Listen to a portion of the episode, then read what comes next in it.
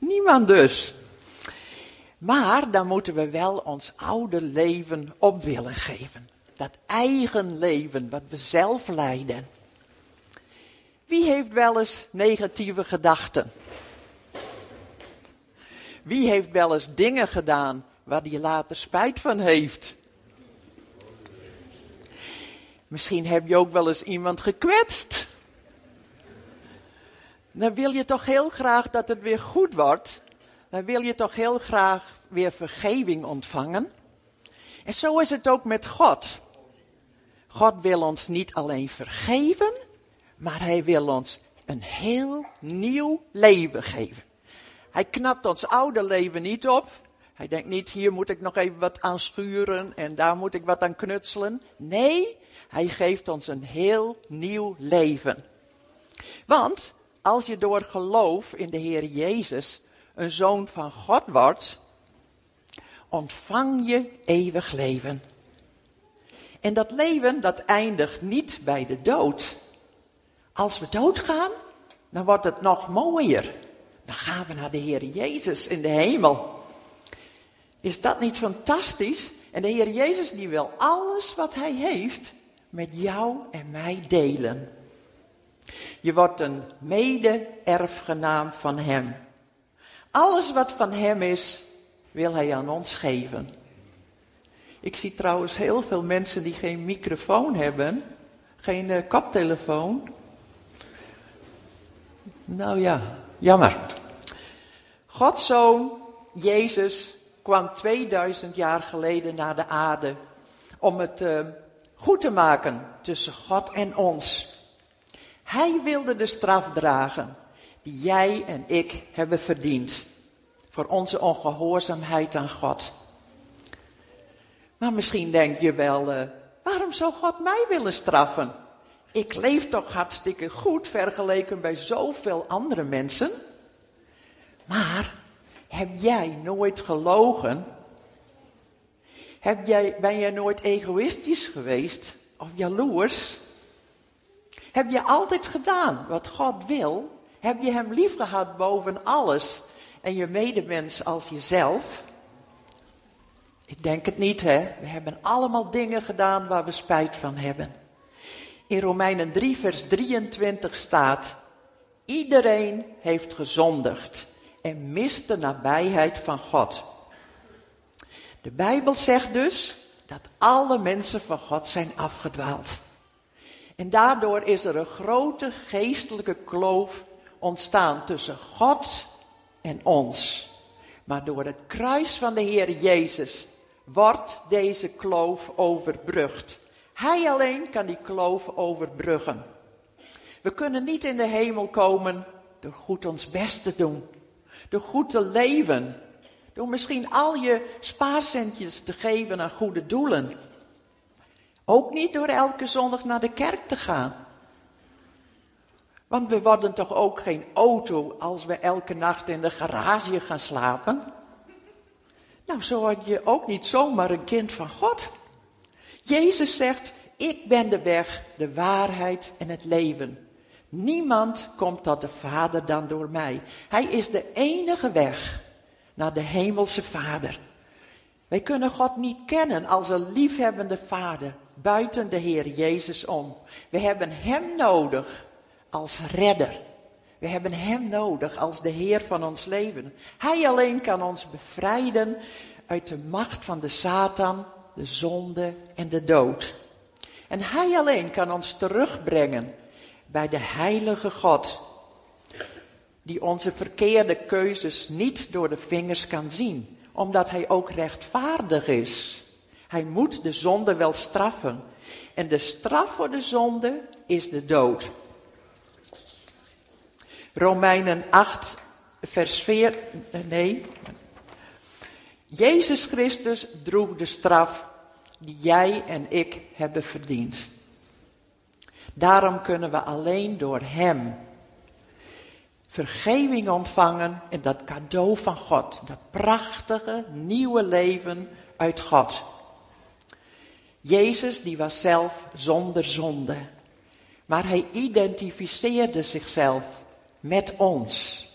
en met alle mensen van de wereld, door alle eeuwen heen. En hij hing daar aan dat kruis, beladen met onze zonden, met al die dingen die wij verkeerd hebben gedaan. En dat was nodig om de gebroken relatie met God weer te herstellen. En de Heer Jezus is de enige die zoveel van ons houdt dat Hij voor jou en mij wilde sterven. Voor al die verkeerde keuzes, voor al die fouten, al die dingen waarmee we God en elkaar verdriet hebben gedaan. En soms denk ik wel eens, beseffen we nog wel hoeveel pijn het God de Vader heeft gekost om zijn enige geliefde zoon op te offeren. Om hem te straffen voor al die dingen die wij verkeerd hebben gedaan. Jezus heeft zijn leven en zijn bloed gegeven om ons terug te brengen bij de Vader. En door Hem kunnen we vergeving ontvangen en eeuwig leven. Als we met diep berouw eh, vergeving vragen voor al die dingen die we fout hebben gedaan. Als we de Heer Jezus zeggen, Heer, ik heb zo spijt van al die dingen, wilt u me alstublieft vergeven? En wilt u ook in mijn hart komen wonen met uw Heilige Geest, dan komt dat, dan komt de Heilige Geest in ons wonen. En dan ontvangen we dat prachtige leven uit God. Dan willen we niet meer naar Satan en de wereldgeesten luisteren, maar naar de Heilige Geest en naar Gods woord. In Colossensen 1 vers 13 staat, God heeft ons gered uit de macht van de duisternis en overgebracht naar het rijk van zijn geliefde zoon. God ziet ons voortaan in Christus. We zijn één geworden met de Heer Jezus. We zijn één geest met Hem. En als hij naar mij kijkt, dan ziet hij Christus in mij. Is dat niet geweldig? Dan ziet hij niet meer Sari, die zoveel verkeerde dingen doet. Maar dan ziet hij Christus in mij. En ik ben rechtvaardig in Hem. We zijn ook burgers geworden van de hemel. We gaan straks naar de hemel. En God heeft ons namelijk opgewekt met de Heer Jezus en ons een plaats gegeven in de hemelsferen in Christus Jezus. Wij zijn in Hem, dat is de volgende, Efeze 2, vers 6, en Hij is in ons. We moeten als zonen van God goed weten wie wij zijn in Christus. Vaak weten we dat niet en leven we gewoon verder alsof we helemaal niet veranderd zijn. Maar we moeten nu leven in zijn koninkrijk. Niet met één been nog in de wereld, echt helemaal in zijn koninkrijk waar hij koning is. Want we zijn nu volgelingen van hem. En we willen toch leven tot eer van God, tot eer van Gods koninkrijk. God die wil geen religie. God die wil niet dat we goed ons best doen. God wil een levende relatie met Hem. Wij zijn toch zijn geliefde kinderen. Daarom maakt Hij ook onze geest levend. Zodat we altijd en overal met God kunnen praten en naar God kunnen luisteren. Wij mogen als zonen van God en dochters van God leven in Zijn tegenwoordigheid. Hij is altijd bij ons, omdat Zijn Heilige Geest in ons is. En we mogen leren luisteren naar de zachte stem van de Heilige Geest in ons hart. En dat is echt heel bijzonder, want God wil tot ons spreken. Maar we moeten wel luisteren, we moeten wel echt stil zijn. En zeggen, Heer, wat wilt u zeggen? Wat wilt u dat ik doe? De Heilige Geest is God die in ons woont. Hij helpt ons om geestelijk te groeien. En hij geeft ons ook inzicht. Als we dan de Bijbel gaan lezen, dan snappen we het ineens. Als we de Heilige Geest vragen, wilt u me laten zien wat er staat? Wat, wat betekent dit nu toch? En daarom is het zo belangrijk dat we de Heilige Geest vragen om ons steeds weer opnieuw te vullen. Ik zeg wel eens tegen de mensen De Heilige Geest woont in ons. Maar als wij onze eigen gang gaan, dan trekt hij zich terug in het logeerkamertje van ons hart. Dan is hij er nog wel, maar we geven hem niet de ruimte. En daarom moeten we steeds zeggen, lieve Heilige Geest, vul me alsjeblieft opnieuw. Wilt u mij leiden? Wilt u me laten zien hoe ik moet leven? In Romeinen 8, vers 14 staat, allen die door de geest van God worden geleid, zijn kinderen van God. Het is dus belangrijk dat we Hem echt ruimte geven en naar Hem luisteren. En dan kan de Heilige Geest ook door ons heen het werk doen wat God voor ons heeft voorbereid. In Marcus 16, vers 15 tot 19 lezen we dat de Heer Jezus zegt, jullie zijn mijn volgelingen. Jullie moeten nu alle mensen vertellen over mij, zodat zij ook horen hoeveel ik van hen hou. Hij wil heel graag dat wij de zieken de handen opleggen en voor hen bidden, zodat ze genezen. Hij wil door ons heen werken. En hij wil door ons heen mensen bevrijden die gebonden zijn door angsten of door boze geesten. De Heer Jezus geeft ons autoriteit in Zijn naam over het hele rijk der duisternis. De Bijbel zegt, we zijn Gods medearbeiders. Totdat de Heer Jezus terugkomt om hier met zijn vrederijk de hele aarde te vullen. Jezus belooft dat Hij met ons zal zijn, alle dagen van ons leven. En de dopelingen, zij hebben ingezien dat ze de Heer Jezus nodig hebben als hun redder en Heer.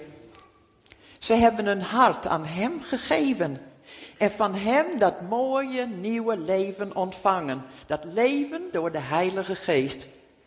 En straks willen ze in de waterdoop hun oude zondige leven begraven met de Heer Jezus. En ze willen met Hem opstaan in een nieuw leven. Ze willen dat oude leven echt achter zich laten en zeggen, Heer Jezus, hier ben ik. Ik wil nu voor U leven.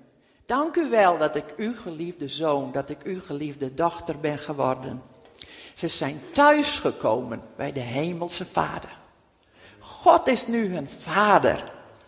En dat is fantastisch. En daarom is het vandaag feest hier. Het is ook feest in de hemel. En ik hoop ook dat we met elkaar een heel mooi feest zullen vieren. En ik heb eigenlijk ook nog een oproep.